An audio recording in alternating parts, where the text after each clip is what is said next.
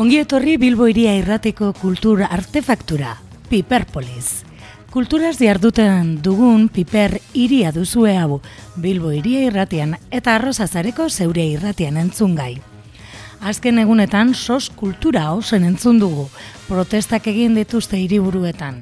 Kupla plataformak biltzen dituen kultureragileek egungo egoeraren aurrean immobilismoa leporatu diete instituzioi eta hileta irudikatu dute gazte izen.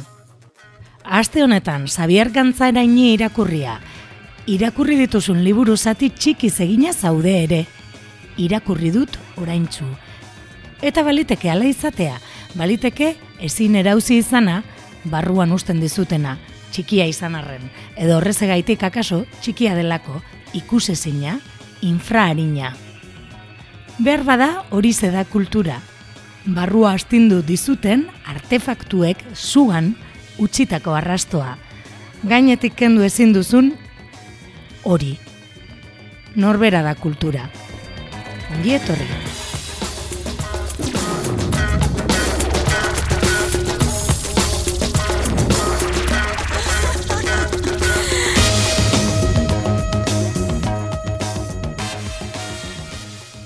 Saio abiatzeko kantu berria dakargu. Anari eta talia zedi, anari eta talia zedekenen berria. Bi kantu susaturiko singela argitaratuko dute jaren emeretzian. Anari kantari estatu batu harraren lander abestiaren euskarazko bertzioa grabatu du, eta zedekek berriz harriak abestiaren inglesezko moldak eta abestu du. Bi abestietan anariren taldeko musikariak parte hartu dute, Ander Mujika, Xavier Oiartzabal, Mikel Txopeitia eta Mariano Hurtado piano eta teklatuetan. Ager izuntzak biola jo du eta Tolosako bomberene estudioan Carlos Osinagarekin egin dute grabazioa. Bi kantuetako singela ekainaren emeretzian argitara emango bada, daudeneko badugu entzen gai, laber kantua. Anariren hautxean.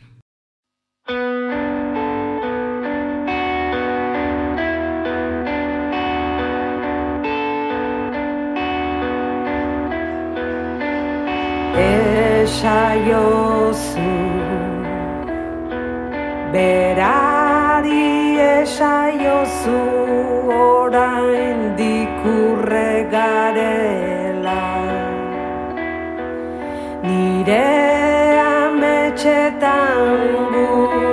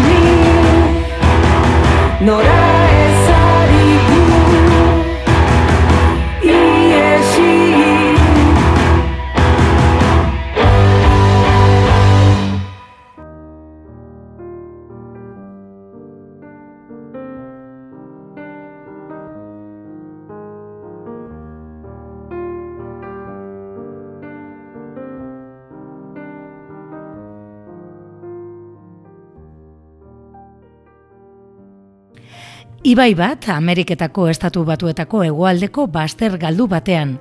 Zehazten ez den, garai ia mitiko batean. Horra, eleberri labur bezain hipnotiko baten laburpena. Ibai ertzeko ipuina. Elkar argitaletzeak argitaratu berria. Oiane, amantegirena. Gaur, berarekin dugu itzordua.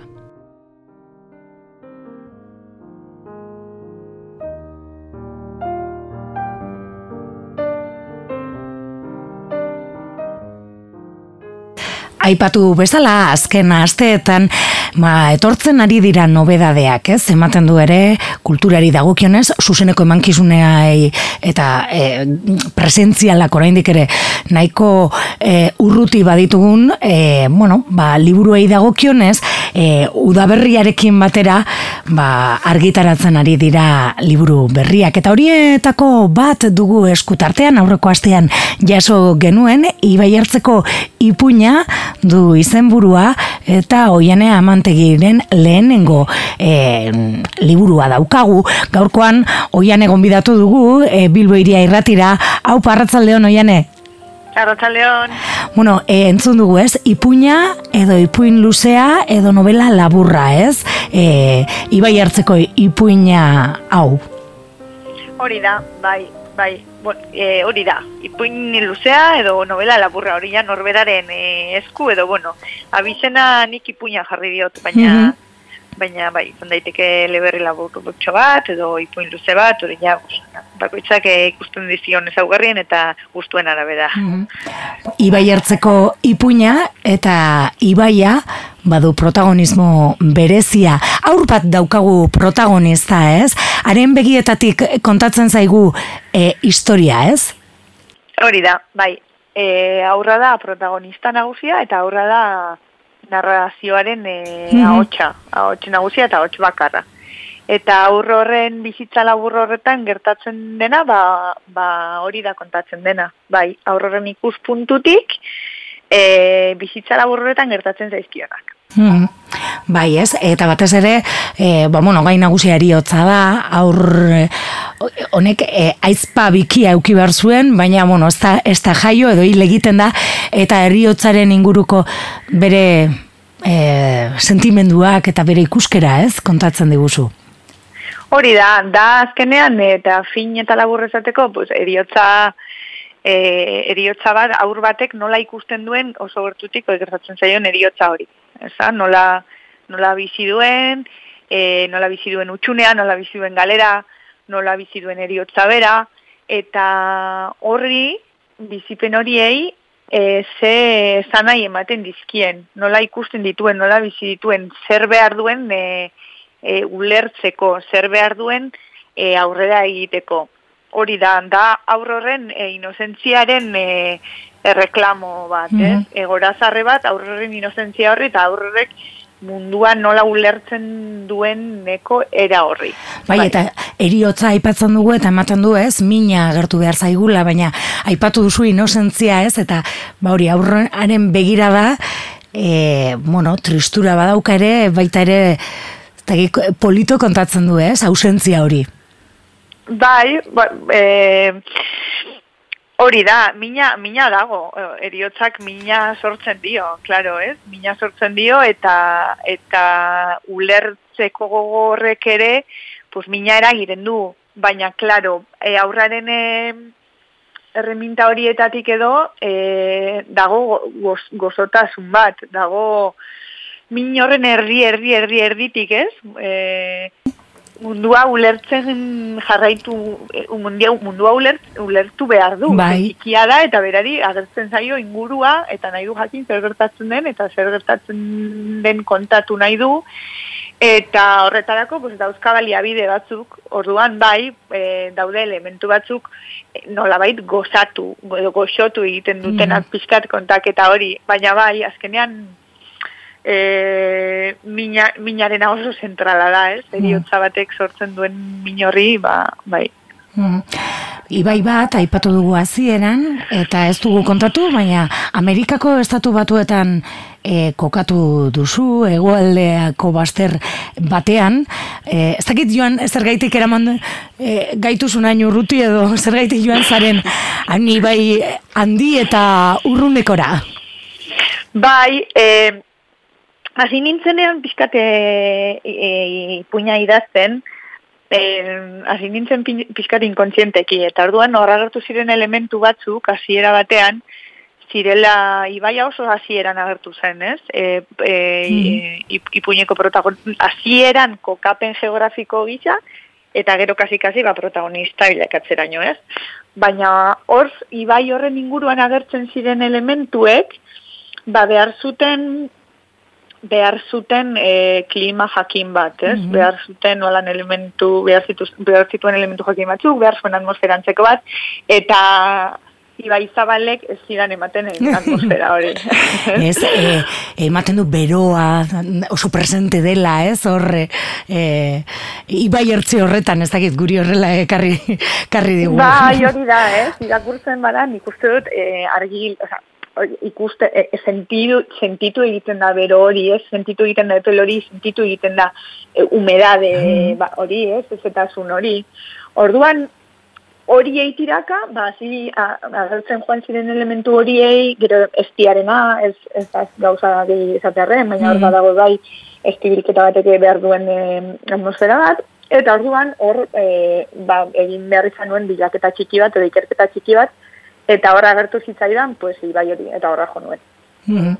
E, eta natura ere, naturaren presentzia handia dago ez, liburuan.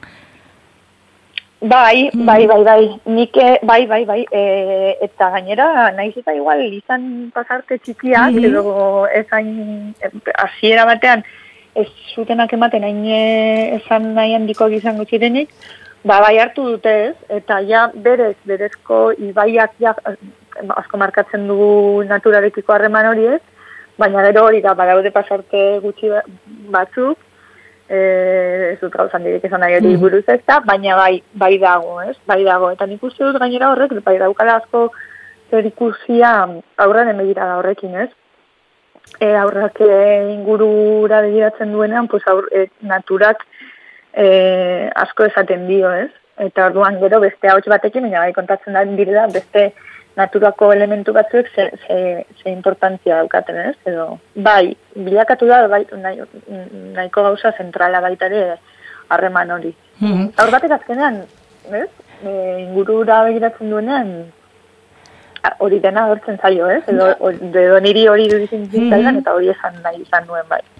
Bai, eta, e, bueno, atmosfera hori, behore hori, ez eta zun hori, ez, e, natura, eta musika ere, ez, hor bada harmonika bat, eta harmonika horren doinuak ere etortzen zaizkigu, baina badira kantuak ere, ez?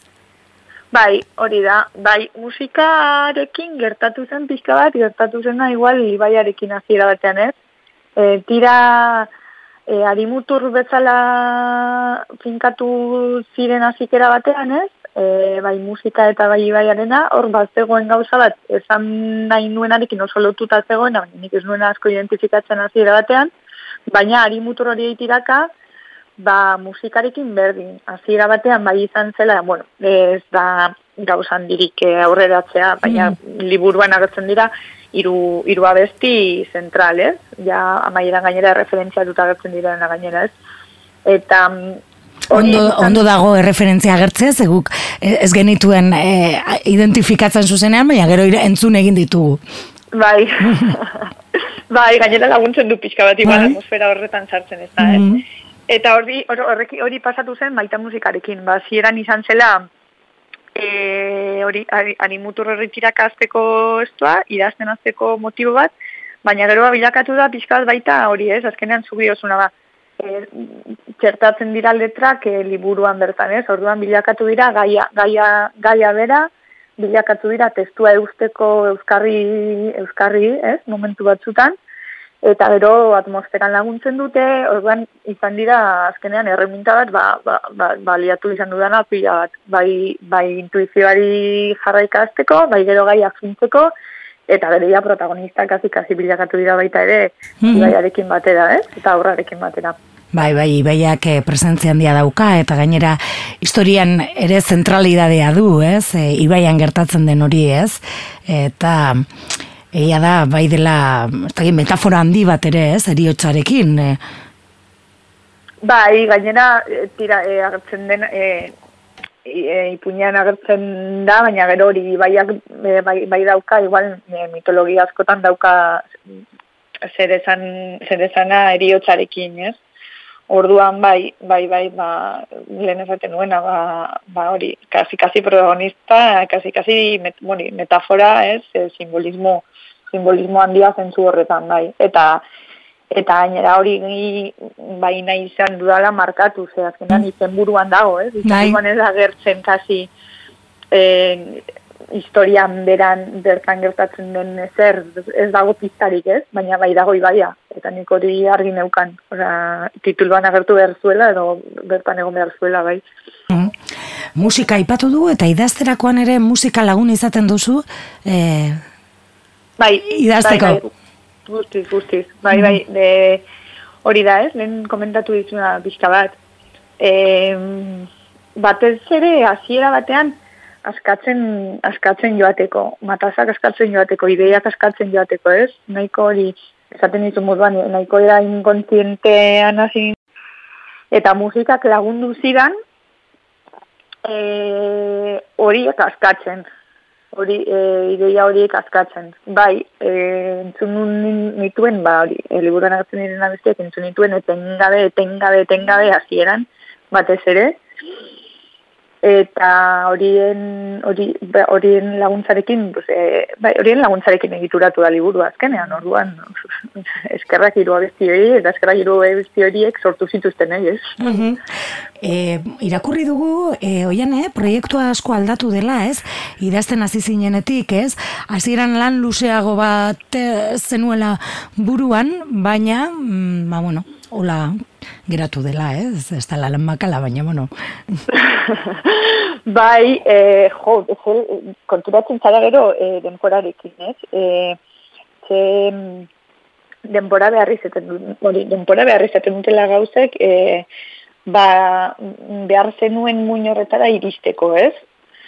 E, orduan bai, bai, bai, da, asko aldatu dela, bueno, ez dut, ez dut, ez dut ez jakin dezaten asko izan den, baina bai izan dituela aldaketa garrantzitsuak, bai, eta hasiera batean, beste era batera neukan buruan imaginatuta, eta gero berez, berez, joan dira jausten e, atalak, edo joan dira jausten beste, beste historia paralelo batzuk, edo beste historia batzuk zeudenak inguruan, baina nik uste behar, behar zuela denpora hori, pues, gelditzeko azkenean esentzia horrekin, ez? E, egun horrei hauetan dagoen esentzia horrekin. Bestea, pues, e, kasu honetan edo beste gauza batzuk idazteko balia daiteke aion etorkizun batean, baina e, esentzia honetarako pues, ez ziren ez zen beharrezkoa, ez? Orduan nola joan den kimatzen eta nola joan den berez berez erortzen eta eta hori izan da polita ikustea, ze, klaro, da, zuk, ideia batzu dauzkazu buruan, eta hori ikusten duzu nola azkenean, esaten duzu, jo, ba, hau da, hau da berez, hau da berez atera, atera dena, ez? Edo horra jo nahi nuen hasieratik eta eta horrela bukatu du, ez? E, aurraren ahotza da garrantzitsua, baina, bueno, beste personai batzuk ere agertzen zaizkigu haren inguruan. Hori da, bai, e, aurraren hotxa garrantzitsuena, eta eta hori izan da gainera e, e, markatu nahi izan dudan nik, ez? Baina bai, badaude, e, bai, badaude beste pertsonaia batzuk hori, ez? Ja, deskubritzeko liburua irakurri ala, ez? Mhm. Bai. Bueno, e, estreineko e, liburua duzu oian, eh? E, bueno, suposatzen dut azpaldi betidanik idatzi izan duzula, ez? Baina, bueno, nola, nola izan da, ez? E, bueno, salto hori argitaratu alizateko eta... Ba, bai, bai idatzi, ba, betidan, bueno, betidanik, ez? Bai, osteagotatik, bai, bai, bueno, txikiagotan, gazteagotan, bai. Eta ez dakitik, eta hasi nintzen, gero, e, ideia honekin hasi nintzen, hasiko nintzen, ba, orain dela sei urte inguru edo, eh? Mhm. Eta, et, mm, hasieran oso oso oso lehen esan dizudan bezala oso inkontzienteki eta oso helburu helburu argirik gabe Mhm. inondik inora ez neukan ezer buruan. Baina tira idatzi joan ala eta joan ala ikusten pues, pasarte batzuk ateratzen zirela, e, lot zitezkela bat abestearen artean, eta orduen horrazten zara, hasi nintzen, pues, egiturak eta lan bat egiten pista bat, ez? Eta horren ari da, pues, bida- bida- bidali nuen eh, sari pare batetara, Mhm. eta hortik sortu zen aukera Mm. argitaratzearena, eta gero bai, ikusi nuen, ba, bai, ba, argitaratu nahi nuela, ez? Eta gero aukera hori eman zidaten, eta mendik e, e, mila, mila milioi esker, ez? e, elkarreko taldeari aukera hori ematearen ikus, bai, bai. Nola sentitu zara behin e, eskutartean izan da, hormeste denboran berarekin lan egin eh, izan ostean, ez? Ja argitaratuta, e, bueno, gainera suposatzen dut agian igual apur bat are- atxerapenarekin etorri dala. Hori da, ez, eta, ez, e, gogo hori ere, ez, e, e, ikutzeko, ez, usaintzeko, ukiteko es- eskutartean. Hori da, hori da, gainera hori, ba, e, harrapatu dau momentu karentenan, e, momentu guzti honekin, ez? Lehenago atera behar zuen liburuak, eta orain atera da, ez? E, Orduan, ba, berezi, oso berezi, ze azkenean da, gorpuz, e, em, gorpuztea, ez? Mami ezurtzea gauza bat egon dena zure buruan. Zure buruan egon den gauza bat, zure barruan egon den gauza bat, orduan, e, hori ikustea nola munduratzen den, nola egiten den e, nola egiten den portada, nola egiten den kontrazan, nola egiten diren egun horri, horretatik ba, ba oso berezia eta oso polita, oso oso sensazio polita eta eta oso oso pozik nago egia esan emaitzarekin. Bai, ez, zerbait super intimoa dena, ez? Batean ja, e, bueno, pues, e, e, munduratzen dela edo, ez? Asala ipatu duzu, eta gainera ere zarean ikusi dugu nola egin den asala eta dena. E, neukan horrelako bideorik ikusita, ez? Eta elkarrek jarri du, ez? Nola egin den estipoto erdi hori. Bai, oso oso bideo polita da gainera eta jarri Bai. musika bai super polita da guztiz guztiz bat egiten duena kontaketarekin, ez? Bai, azala egin du hori e, irune izquierdok eta ni egia esan e, liburua irakurri zuen eta liburua irakurrita gero egindako interpretazio ba borobil bat eta oso eta oso oso oso polita da, eh? Bai. Agian oraindik eh, oianek goiz da, jaso duzu ja fik batka edo oraindik eh, Gutxi batzuk, oraindik bai, bai, ba, gutxi bai. batzuk, gutxi batzuk, baina hori zu, ba, hori e, oso denpora gutxi, darama kalean, ez, oso Mm. gutxi. Baina bai, batzuk baten bat, batek irakurri du ja osorik eta eta hasi nahi lehenengo feedbacka jasotzen. Eta tira pozik, pozik, pozik entzuten ari nahitenarekin. Bueno, ba, egin dezala bide luzea ibai hartzeko ipuina, eh, esan bezala ipuin luze edo novela laburra. Oiane amantegiren le estreinekoa eh, argitaratu duena, elkar eh, argitaletzeak plazaratu berri duena eta dagoeneko ba, badugula eh, irakur gai. Ba, oiane, eskerrik asko gaur gurean egon izanagaitik eta tartetxo hau eskaini izanagaitik.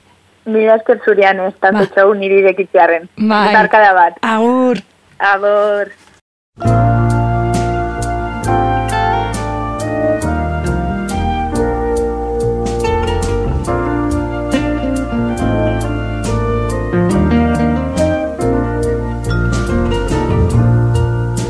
You can take all the tea in China, put it in a big brown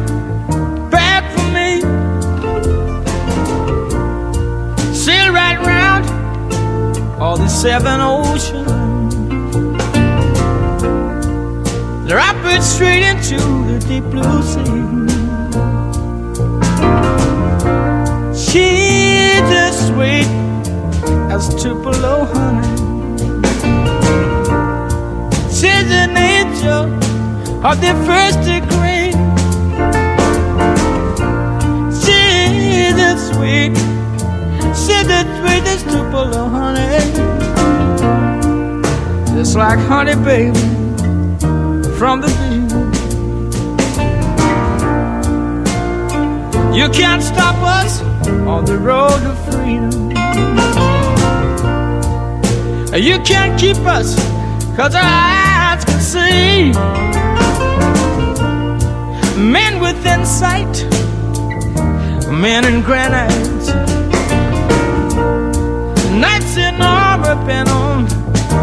Chivalry.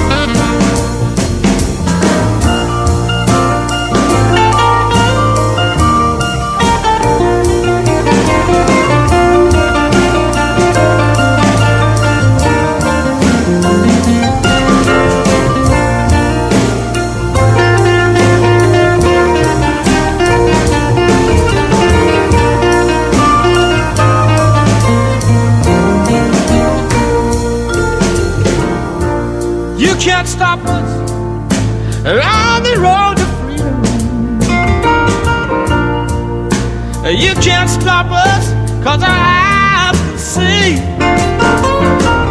Man with insight, man in granite. Knights in armor intent on chivalry.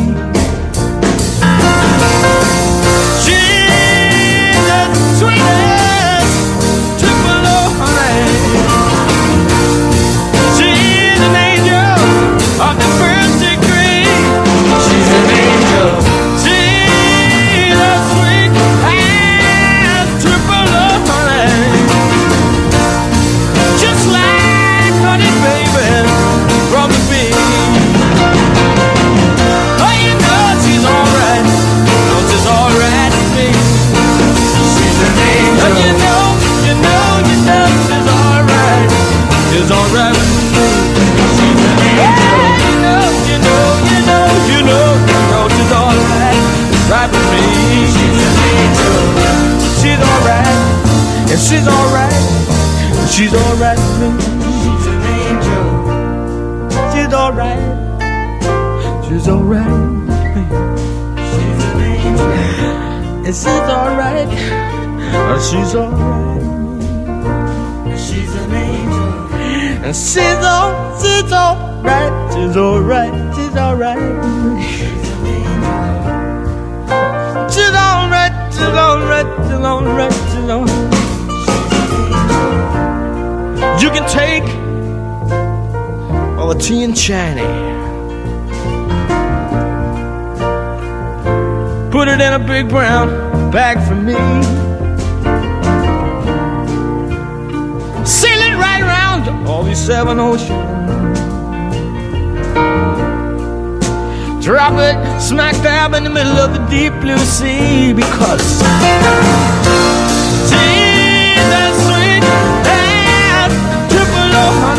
Yes, she is. She's an angel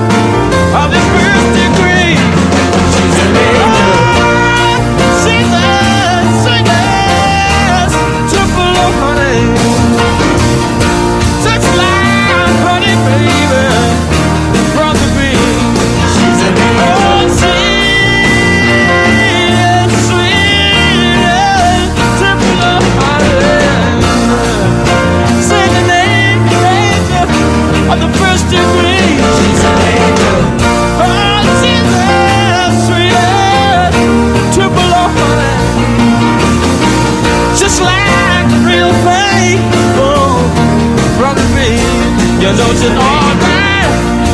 Oh, she's alright. She's alright with me. She's an angel.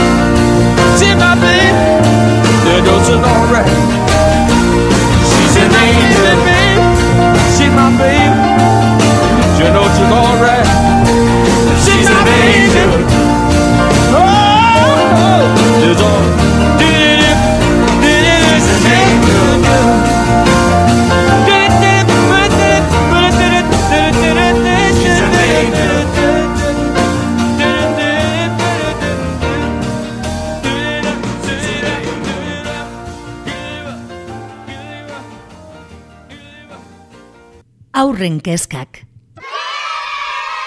Parkeetako irudiak negarrez ari dira. Amoranteek jada, bisitatzen ez dituztelako.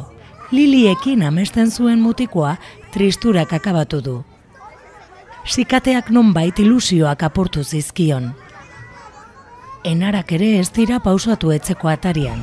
Atzerrira joan omen dira bizi hobe baten bila. Amak ez ditu otartekoak egunkari horriz biltzen, aitaren lantegia zarratu zutenetik. Aititak les koloretako itxaropeena jaten dugu, pilulak onak direla esan digulako osagileak. Eta ikastolako maistrak agindu du biharko denok eraman behar dugula Afrikako mapa.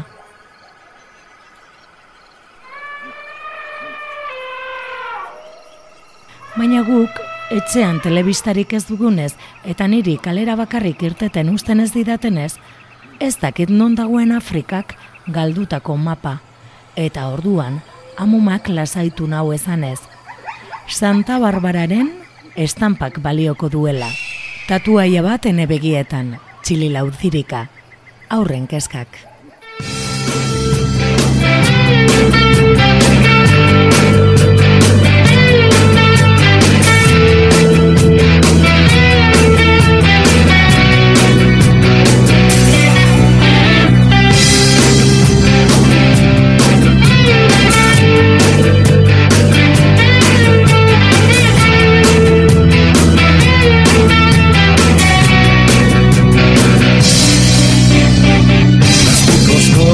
Lokela hotzak Neruko elurte latzak.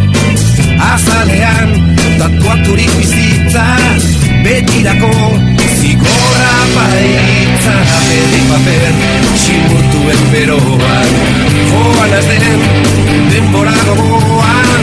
Gozeti pentsakurra altzoan Zu alboan Ilargia izo Ilargiari zo Ilargiari zo Ilargiari zo.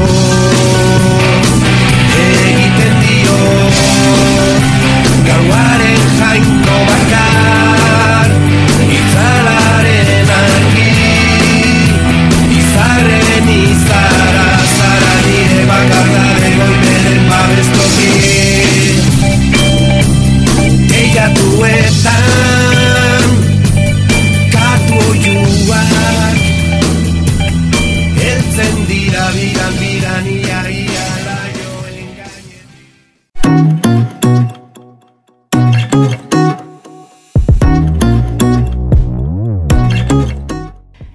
batera taldea, ia nahi gabe sortutako taldea dugu. Lehenengo diskoa 2018an plazaratu zuten antipodetan deiturikoa. Gaizka Salazarren musikariaren aitaren eriotzak eragendako saminetik sortutako sentipenak dira disko hartan osatutako kantuen funtza. Orain, disko berriarekin edo kantu berriarekin datoz. Orain gonestan ostera biziposari kantatu nahi diote. Ospatzeko modukoak begitatzen zaizkien ekintzei. Esaterako ametzegin eta ametzak egin bihurtzeari. Disko hau da bukaeran grabatzeko asmoa duten zegu eta atzeden leku toki duten sumelako baserrian. Eta disko berriaren aurrerapen gisa ametzegin kantua plazaratu berri dute. Pandemiak bortizki eraso gaituenetik bizitzako egoera latzaren aurrean, ametzegiteak askatasuna eta indarra ematen duen urte osoan sorturiko kanta da ametzegin. Periko solabarriak esandako esaldi bat du gogoan, amets egiten usten badigute, ez diogu lo egiten utziko. Gaurko eguneko kantua, era batera, amets egin.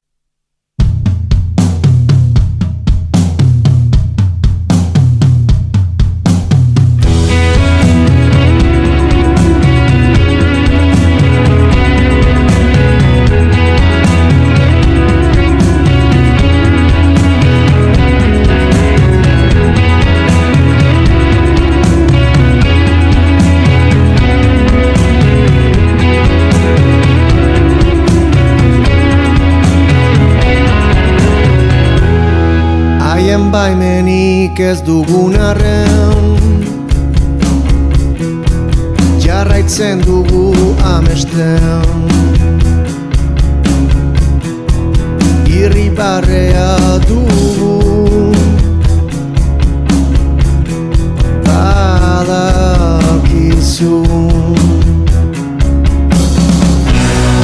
Zuri begira geldituko naiz zaitezen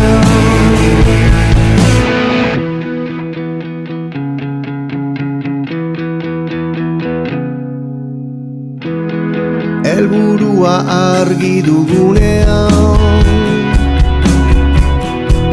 Nora bide bat daukagu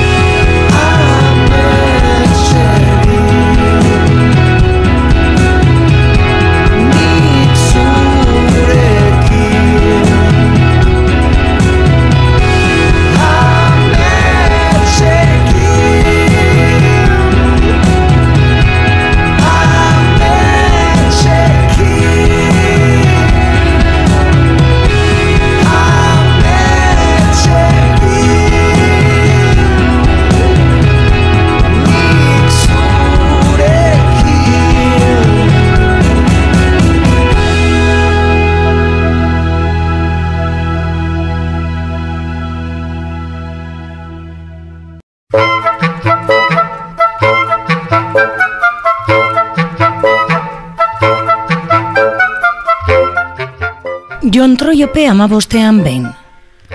Prezioen egoera.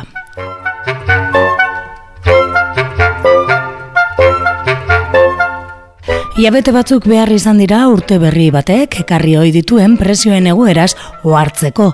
Kontu korrontearen argaltzearekin edo zifrak desagertzearekin bat konturatzen gara salneurriak nola doazen gora, leunik antzean. Garaiotan salerosketako produktu izarra robotek ordezkatu aurretik behintzat pertsonak gara, kapitalaren eta sistemaren esklaboak. Garai batean lanbide bat ikasi behar genuen soldata irabasteko, orain berriz edo zertarako lanbidea ikasi beharrean bere burua saltzen ikasi behar du pertsonak. Eta bai, langilea esan beharrean pertsona diogu, izan ere bere burua saltzen ez dakiena, Dobermanen oskadak jota kalean geratuko da. Ez lantoki kanpoko kalean, giza taldetik bastertutakoa baizik. Bere asaleko osotasuna saltzen dira pertsonak. Ez artizau giza, ez profesional giza. Ez da eskuek egindako lana saltzen. Esku horiek mugitzen duten burmuinaren eta bihotzaren osotasuna baizik. Utxik, Gabeko pertsona komen dira erakus leioan daudenak, goitik berakoak, ganora Zuak edo edo zertarako adituak, edo zertarako bai ezpadakizu, badakizula antzestu eta aurrera arrokeriaz. Bogan dauden jarrera pertsonal merkantilisten aurrean barregarri geratzen da arkakusuen zirkua. Alprogen leia honetan jakituriarik eta gaitasunik eta ikasketarik ez duenak gidatzen du gure zirkua. Ongi etorri mediokraziaren meritokrazia karpoa erraldoi honetara eta egin txalo, norberek bere buruari txalo jakina. Izugarri ondo ikusita dago, karpa honetan nork bere buruari txalo bero bat ematea. Txalo horrek ez luke soinurik atera behar. Utza baita, saltzen duen guztia bezain utz. Baina, besteen miresmen eta ahosabaltasunari ezker, txalo uolde bihurtzen da. Erdipurdiko alprogei egindako txaloa zein erraz eta merke saltzen duten bere burua, eta okerrago, zein simpleki eta garesti erosten zaien. Salantzarik gabe, denok izan behar dugu protagonista. Nor bere bizitzaren protagonista, besterik ez genuen behar, baina nahaztu dira kontzeptuak, edo nahaztu gara pertsonak, eta ez gure artean tamales. Kompetizio eta kompetentzia ez ulertzetik, moda desfile populista narzizista baten paseatzera iritzi gara.